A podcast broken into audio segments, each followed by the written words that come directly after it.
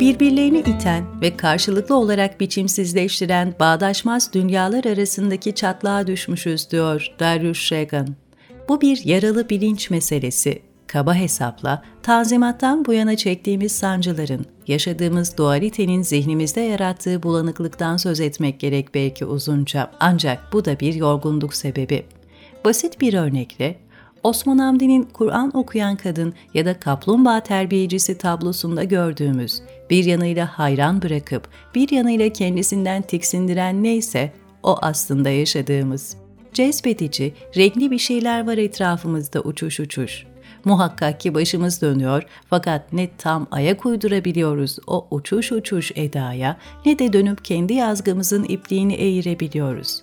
Ne kendi hikayemizin kahramanı olabiliyoruz ne de başka bir hikayeye eklemlenebiliyoruz. Bizim de bizden evvelkilerinde ve elbette Cem Karaca'nın da ömrü boyunca içinde yaşamaya çalıştığı çatlaksa gün geçtikçe biçimsizleşiyor, daralıyor ve sıktıkça sıkıyor canımızı. O çatlakta yaşamak, Cem Karaca için sazın sesini ilk kez askerde Anadolu çocuklarıyla bir araya gelince dinlemek demek mesela. Annesi ve babası tiyatro sanatçısıydı Cem Karaca'nın. Sahne denen şeyin belki içine doğmuştu. O da ergenlik yaşlarından itibaren sahnelerde aldı soluğu.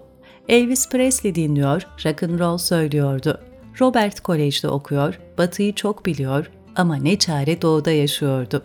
O zamana kadar kendisini cezbeden şey hep bir elektro gitarın maceraya davet eden sesiydi. Askere gidince orada kendisinden farklı şartlarda doğmuş, büyümüş Mehmetleri tanıma fırsatı yakaladı. Cem'in Mehmetleri anladığı o ilk an bir erin bağlama çaldığı bir ana denk düşüyordu.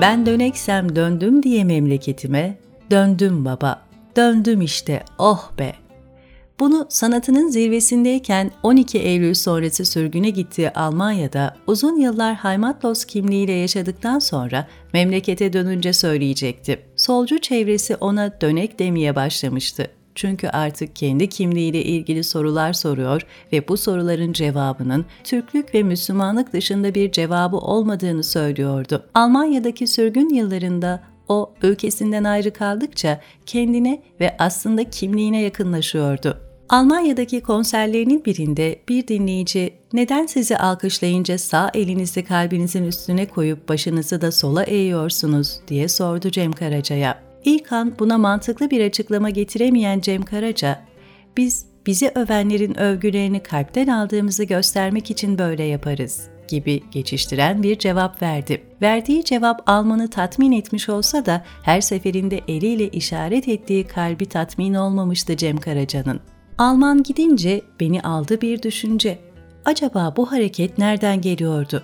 Sonra bir araştırma yaptım ve bu jestin Mevlevilikten geldiğini öğrendim. Tiyatrocu Toto ve Mehmet Karaca'nın oğlu olan ben Cem Karaca'nın ve ailemizin Mevlevilikle hiçbir ilişkisi yoktu. Öyleyse bu hareket bana nasıl intikal etmişti? Sonra anladım ki jestler, mimikler, davranışlar milletlerin derin kültüründen geliyor ve bütün millete sirayet ediyordu ve bunun da temel kaynakları dini düşüncelerdi. Böyle söylüyordu meseleyi anlatırken. Sonra anladım ki jestler, mimikler, davranışlar milletlerin derin kültüründen geliyor ve bütün millete sirayet ediyordu ve bunun da temel kaynakları dini düşüncelerdi. Böyle söylüyordu meseleyi anlatırken. Mesele bundan ibaret değildi elbette. Mesele bir hesaplaşma meselesi, bir düello değil.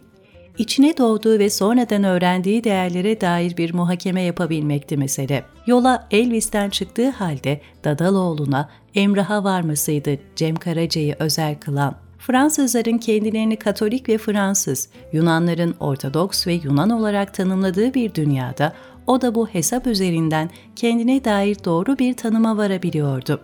Bu kolay değil. Bunu yapamayan, dili sürçen ve ayağa kayan da çok. Şarkıda dediği gibi, yol bir akıl, bak da görebil. Şüphesiz bu da bir nasip işi. Ona görebilmek nasip olmuştu. Dağları ve yürekleri titreten sesinden bahsetmeye hiç gerek yok. Allah vergisi sesini ve sanatını övmek sıradan artık.